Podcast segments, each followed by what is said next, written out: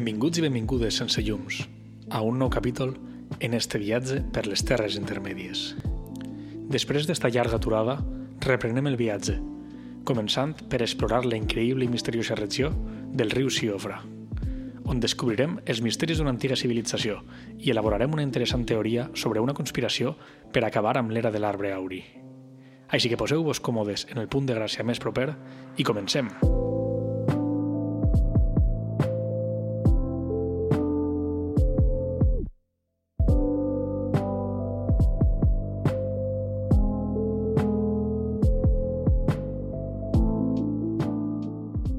Abans de començar amb el primer capítol de la segona temporada, m'agradaria fer-vos alguns comentaris sobre el podcast.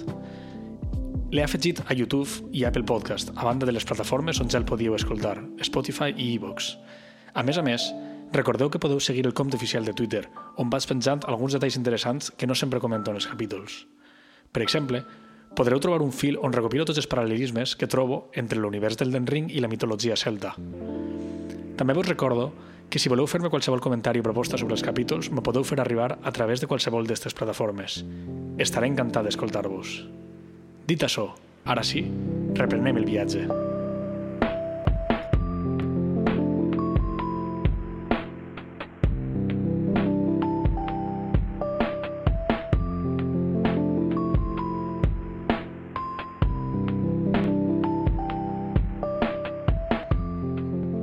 De nou, tornem al riu Siofra, la que fins ara m'ha semblat la zona estèticament més espectacular del que duem explorar de les terres intermèdies.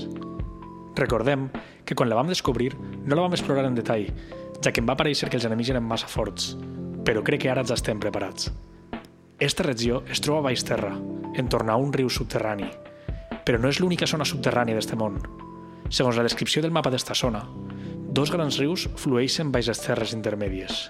Un és este, el Siofra, i l'altre, el riu Ainsel.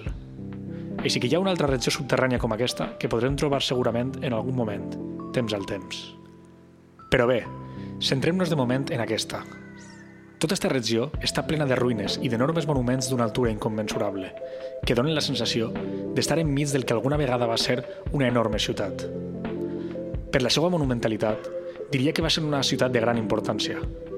Un objecte que ens parla sobre ella és l'herba amb rosada, una planta amb fulles d'un color entre blau i platejat que emet una lleu llum i que trobem habitualment per esta zona. Segons diu, esta ciutat s'anomena Ciutat Eterna i més endavant en esta zona descobrirem que s'anomena Ciutat Eterna de Nocron.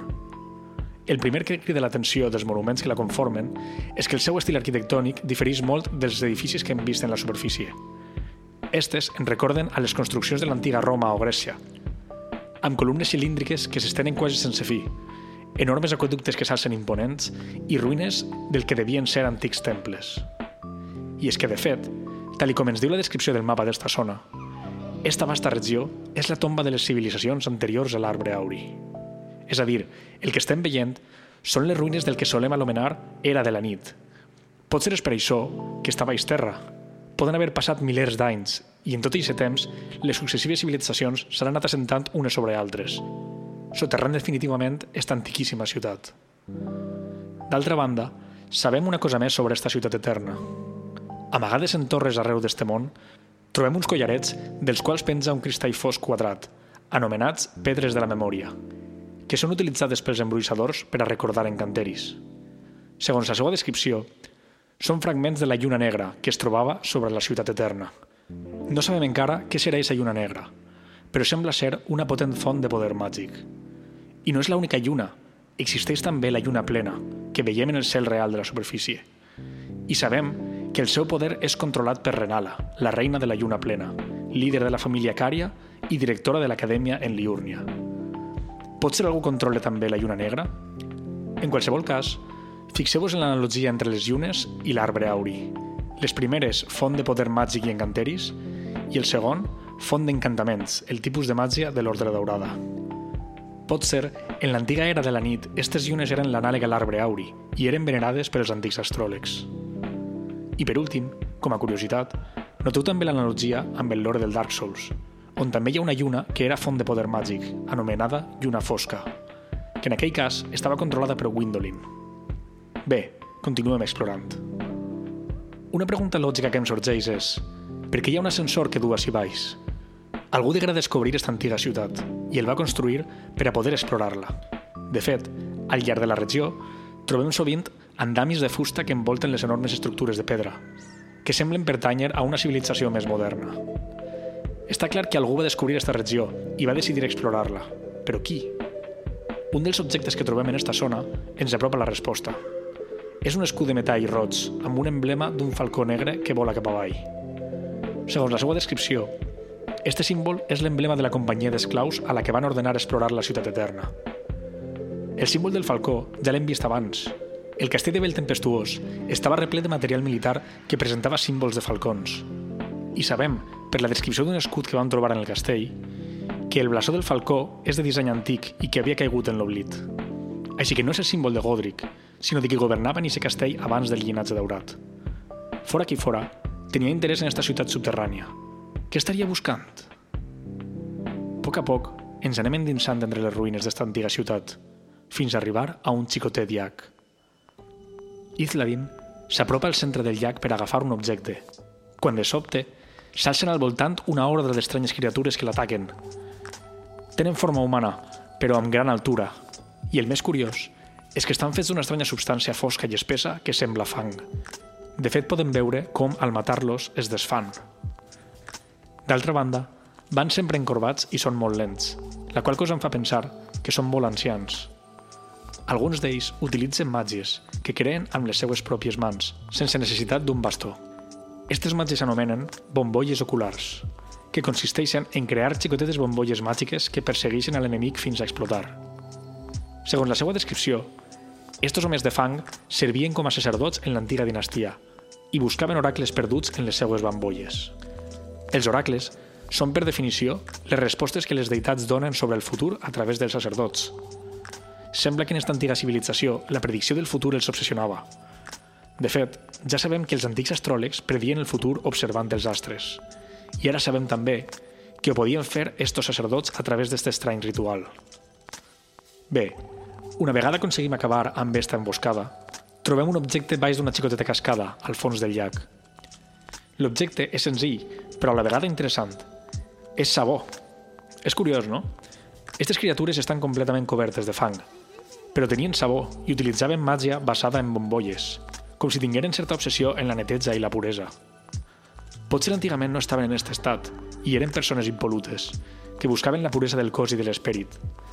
Però amb el fi de l'era de la nit i de la seva funció com a sacerdots, la seva vida ha deixat de tindre propòsit i el pas del temps els deu haver dut a aquest estat decrèpit que els deu resultar insuportable.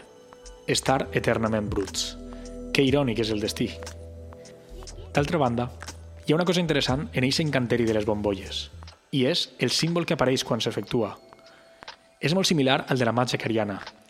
Això em fa pensar que hi ha certa relació entre la família Cària, que recordem és una antiga i important família d'astròlegs, i aquesta antiga civilització.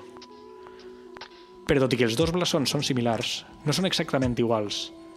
En els encanteris dels Cària hi ha una espasa, mentre que així hi ha una espècie de vara amb dues puntes, i el fons també és distint.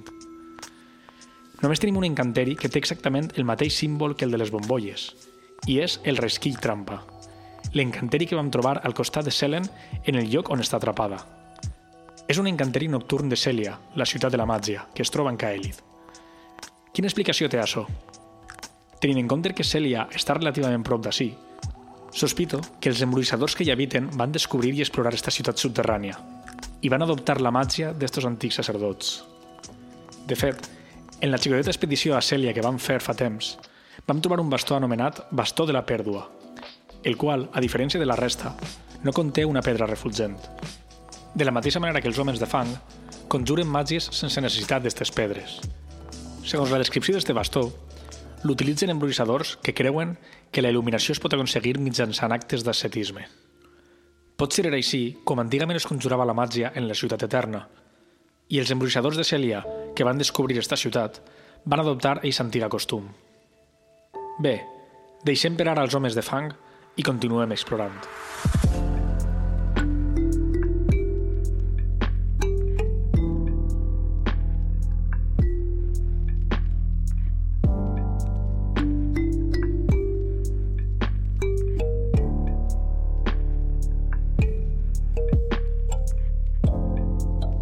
Izladin arriba a un gran arc, que sembla una antiga entrada a la ciutat. Al travessar-lo, s'estén un estret camí cobert d'aigua estancada que reposa quiet, transmetent una tranquil·litat momentània, com si t'estiguera preparant per a un moment impactant. Al fons, una llum. Izladin travessa el camí que va obrint-se lentament, creant al fons una vista que es va desplegant. Arriba al final per a impactar contra una imatge que sembla treta d'un somni. Un enorme cel estrelat s'estén majestuosament, cobrint tot allò al que la vista pot arribar i deixant un tenue reflex sobre l'enorme llac que s'estén a terra. Al fons, un gran precipici que limita la zona, i més enllà, sobre una altíssima muntanya, descansa elegant i solemne un gran temple, que recorda molt al Partenó d'Atenes, i que quasi fa la sensació d'imitar l'Olimp de la mitologia grega. Quin regal a la vista! Ja vam veure part d'este paisatge la primera vegada que vam baixar, però ara podem contemplar-lo amb tot el seu esplendor. Sense cap dubte, la vista i la zona més al·lucinants de tot el que hem vist fins ara. Però com és possible? Com pot haver un cel estrelat baix terra? Bé, ara que podem observar-lo en detall, podem veure que no és exactament un cel. Si ens fixem bé, Eixes estrelles són una il·lusió òptica. No són estrelles realment. Almenys, no com les entenem en el nostre món. Els punts blancs semblen ser xicotets fragments d'algun material luminós que floten en l'aire. I no estan tan allunyats del terra com pareix. De fet, si ens fixem, veurem que es troben per davant d'algunes estructures de la ciutat. És una espècie de cel fals, però l'efecte visual que genera és d'estar en una ciutat que flota en l'espai. És senzillament fascinant. La descripció de l'herba amb rosada que hem nomenat abans ens parla sobre este cel, que, segons diu, se l'anomena la nit falsa. I si és una nit falsa, significa que no és natural. Algú l'ha hagut de crear. Però qui? I amb quin propòsit? Tinc una teoria, que pot ser precipitada, però que pot quadrar. La descripció de la túnica d'astròleg ens diu els astròlegs són predecessors dels embrolladors de pedra refulgent i etgien el destí en el cel però, per desgràcia, el cel nocturn ja no bressola el destí. Sospito que aquests antics astròlegs que perdien el destí tenien relació amb aquesta antiga ciutat eterna, on es trobava la lluna negra. Molts anys després, esta ciutat quedaria soterrada i durant l'era de l'arbre auri, eix estudi del cel passaria a ser realitzat pels embruixadors de l'acadèmia, successors dels astròlegs. Però aquests ja no estudien el cel per a predir el futur, sinó simplement per a crear els seus encanteris de pedra refulgent. Els embruixadors s'acomodarien en el seu nou propòsit en la superfície, i els anys anirien passant, quedant esta ciutat subterrània en l'oblit. Fins que en algun moment, alguns d'estos embruixadors van descobrir aquesta antiga civilització i van voler recuperar-la. I qui van ser? Doncs pel que m'he explicat abans, sospito que serien els embruixadors de Cèlia. Els celians estudiarien aquestes matxes nocturnes ancestrals i les seues tradicions de predir el futur. I pot ser, això els va portar a voler recuperar-ho, tornar a ser capaços de predir el destí del món. Però, com deia la descripció d'abans, el cel nocturn ja no obre sola el destí. Pot ser perquè l'arbre auri d'alguna manera l'eclipsa, i durant l'era de l'arbre, el cel ha anat perdent aquest poder. Així que aquests embruixadors elaborarien el següent pla. Crear un cel fals baix terra, en secret, fora de l'abast de l'arbre auri i de l'ordre daurada.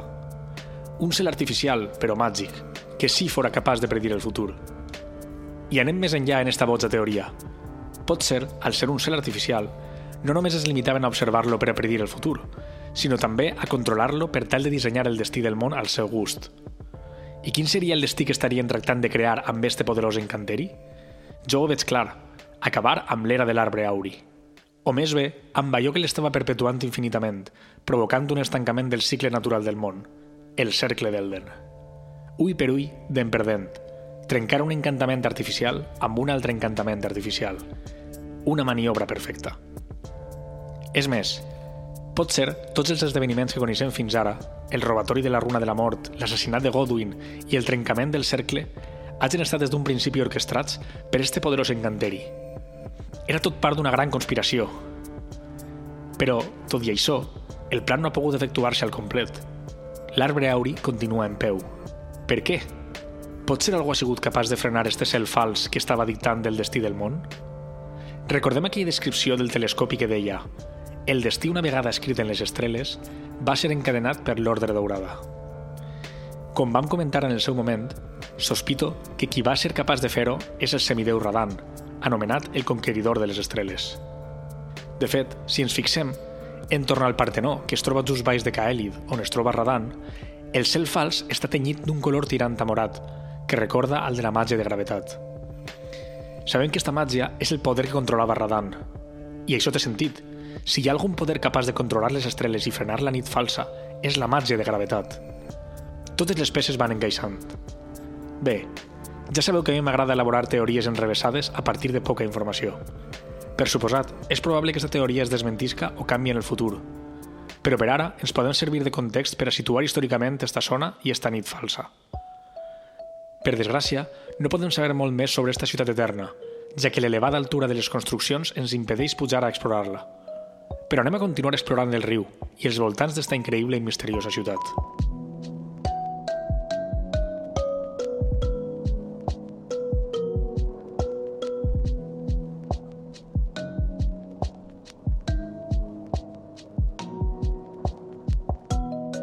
A l'altra banda de l'enorme llac es pot veure un gran temple i a la seva entrada vuit pilars.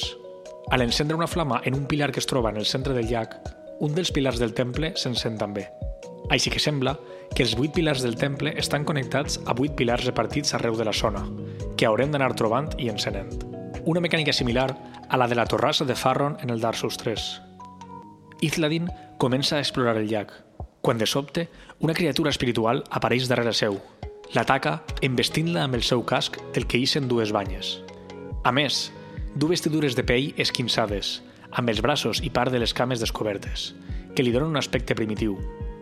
Però el més curiós és que és un espèrit, no té cos físic. És com els espèrits que podem invocar amb la campana que ens va donar Rena.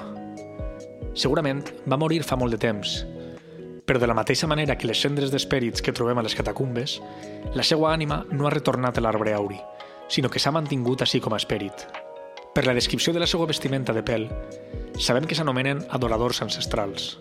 Prompte descobrim que tota aquesta regió està repleta d'estos primitius guerrers. Alguns d'ells estan recolectant herbes, altres vigilen des de grans altures preparats per a disparar enormes fletxes màgiques.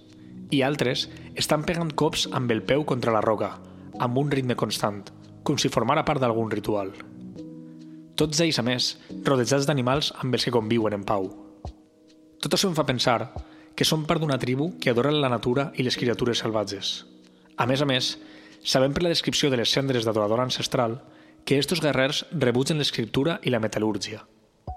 Però el més interessant sobre esta tribu ens ho conta la descripció de la vestimenta de pell que duen. Segons diu, estos guerrers es mantenen allunyats de l'arbre auri, en espera de nous brots estan segurs que germinaran de la seva pròpia pell i, en efecte, de les seues ànimes. Tenint en compte el casc amb banyes que duen al cap, diria que aquests nous brots que esperen són banyes i ullals, és a dir, els vestigis del gressol primigeni. Un breu parèntesi per a fer un recordatori sobre això. Recordem que en este món, algunes criatures els broten banyes i ullals, que són característiques del gressol primigeni, i concretament als humans que els creixen i ses banyes els anomenen auguris, Eixe gressol és el lloc on es va crear la vida. Per tant, segurament es troba en l'arbre auri.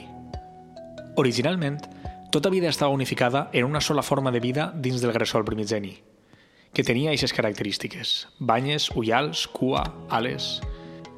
Aquesta es dividiria donant pas als éssers vius que avui habiten aquestes terres. Recordem també la teoria que vam elaborar sobre el cicle natural del món. Durant l'era de l'arbre auri, la vida d'estos éssers vius seria finita. Les criatures serien mortals i la seva ànima tornaria a l'arbre després de morir. Però l'arbre auri no viviria per sempre i, eventualment, eixa era acabaria, per a donar pas de nou a l'era de la nit i de la vida espiritual i eterna. Eixe era el cicle natural del món, però creiem que va ser interromput amb la creació del cercle d'Elden. Aquest va encadenar el cicle fent que l'era de l'arbre auri quedara eternament estancada i els éssers vius foren eternament mortals. Però què té tot això a veure amb els adoradors ancestrals? Doncs que precisament crec que és per això que estos guerrers es mantenen allunyats de l'arbre auri, per a fugir del seu efecte i evitar que la seva ànima retorni a l'arbre auri. Viure en esta ciutat subterrània és el que els ha permès aconseguir-ho. transcendir a l'estat espiritual i mantenir la seva ànima eternament. I per què creuen que els han de brotar banyes com els auguris? Així és on ve el més interessant. Els adoradors duen un amulet que precisament té forma de banya, anomenat amulet de banya clarificador. Segons la seva descripció, els adoradors creuen que les banyes de les bèsties longeves seguissin brotant una i altra vegada després de mortes, fins que un dia la bèstia es convertís en un esperit ancestral. Ara ho veig tot clar. Potser els éssers vius d'este món estan destinats a tornar a la seva forma primigènia, eixa criatura primordial que originalment unificava totes les formes de vida en una sola. I per això, algunes criatures els estan començant a sorgir brots de banyes que no corresponen a la seva espècie. Potser siga eixe el final del cicle, acabar com va començar, amb totes les formes de vida aglutinades en una sola. En l'era actual, la major part dels éssers vius estan molt lluny d'això, ja que continuen sent mortals. Moren abans de començar aquesta transformació. Però les criatures com estos guerrers ancestrals que aconseguissin escapar de la influència de l'arbre i mantenir-se vius durant molt de temps, sí que esperen arribar a veure aquesta transformació en ells mateixos.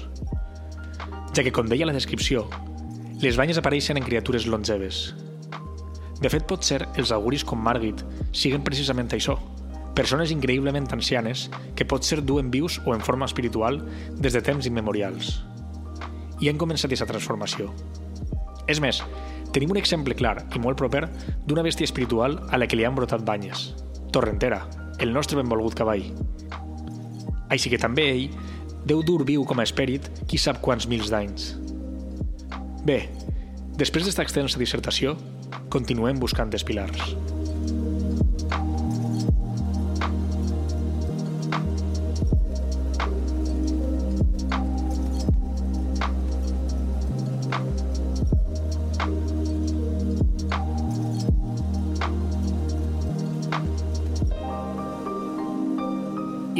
Continua explorant, fins que arriba a un precipici. No pot evitar quedar-se una estona contemplant aquesta obra d'art pintada al cel, així com eixe enorme temple que s'alça al fons sobre una muntanya. Però la seva hipnosis queda interrompuda quan descobreix una cosa de la que no s'havia donat. Allà dalt, des d'un dels enormes aqueductes que s'estén verticalment, naix un pont inacabat. I al final d'aquest es pot observar una figura que es manté ferma i solemne mirant en direcció al temple. La figura li resulta familiar. Itladin agafa els prismàtics per observar-lo de prop. És un cavaller del Gresol, aquell enemic que vam trobar en una de les presons eternes de Necrojim. Però què fa si baix? Clar, té sentit. Ells cavallers també estan relacionats amb el Gresol. De fet, utilitzen encantaments que imiten característiques d'aquesta criatura primigènia, com ales i cua. Així que té sentit que estiguen relacionats amb aquesta antiga civilització i les seues creències. I a tot això, hi ha un tema que encara no hem comentat. Eixes presons eternes com la que empresonava un d'estos cavallers, què són exactament? El nom de presó eterna suggerís que estiguen relacionades amb aquesta ciutat eterna. De fet, sempre que entrem a una, s'obre un portal al terra d'un color blau amb tons blancs, similar als colors d'esta regió. Com si s'estiguera obrint un forat que deixara passar la llum d'este cel subterrani. D'eixos portals és l'enemic que es troba empresonat, el qual té sempre un aspecte espiritual. I a més, els golems cucs que guarden la presó emeten una llum violeta del mateix color que els encanteris de gravetat. Tots aquests detalls em fan pensar que hi ha una connexió entre aquestes presons i esta ciutat. Se m'ocorre una possible explicació a tot això. Quina és l'única tortura pitjor que estar empresonat fins a la mort? Doncs estar empresonat eternament. Estar destinat a una vida immortal, però tancat a una cel·la. En una presó normal, això no seria possible, però en una presó baix terra, suficientment allunyada de l'arbre auri de manera que no li arribara el seu efecte, pot ser sí. L'ànima del presoner no tornaria mai a l'arbre auri i quedaria sempre empresonada en aquest espai intermedi entre la superfície i la ciutat subterrània, on el poder de l'arbre no arriba.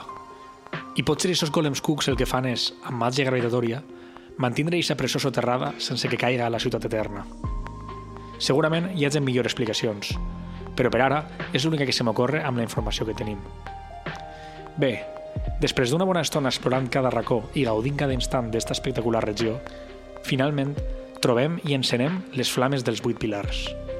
Així que tornem a l'inici, on es trobava eixe altar monumental, que ara s'alça encara amb més elegància il·luminat per la tènue llum de les flames.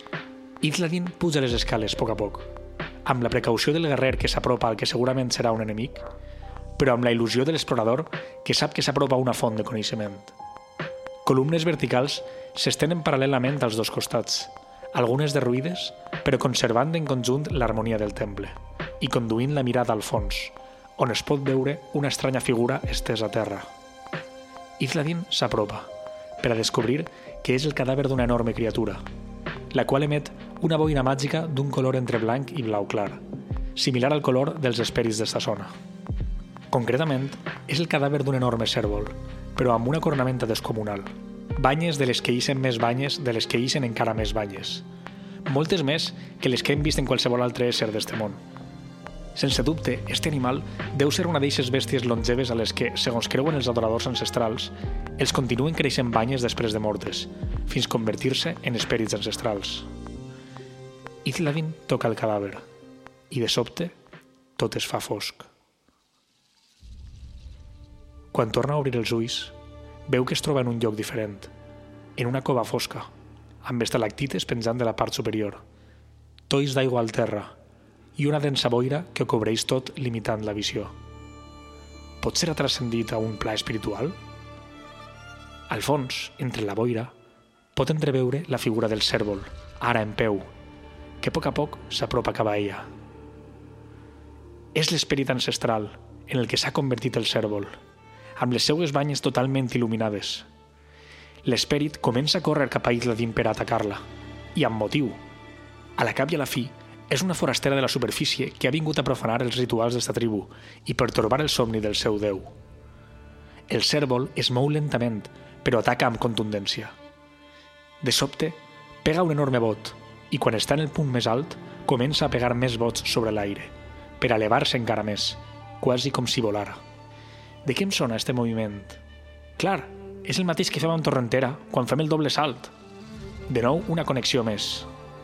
Pot ser Torrentera provinga també d'esta ciutat eterna i d'esta tribu. I no m'estranyaria que estigui en camí de convertir-se en un esperit ancestral com este, si no ho és ja. Altra cosa que em pareix interessant d'esta criatura és el fet que aquest esperit ancestral, el màxim exponent d'esta tribu que adora les criatures salvatges, siga un cèrvol. En moltes mitologies, el símbol del cèrvol representa la natura i els animals, com és el déu Cernunos, de la mitologia celta, que es representava amb cos humà i banyes de cèrvol. Altre món fantàstic en el que pot estar inspirat aquest esperit ancestral és la pel·lícula La princesa Mononoke, d'Estudio Ghibli, on existeix també una deïtat representada en forma de cèrvol anomenada l'esperit del bosc. En la pel·lícula, els humans tracten d'assassinar a l'esperit, que és precisament el que està fent ara Isladin. A més a més, la forma completa de l'esperit que apareix al final de la pel·lícula, representada amb colors freds i moltes banyes il·luminades, té una clara similitud amb aquest esperit. Per últim, la música que sona durant el combat transmet una aura entre onírica i melancòlica que posa els pèls de punta. I a més, té un detall interessant. Curiosament, en esta peça només sonen instruments de corda i flautes. No sona cap instrument de vent metall, com estem acostumats en les músiques èpiques de la majoria d'enemics. Fixeu-vos, escolteu.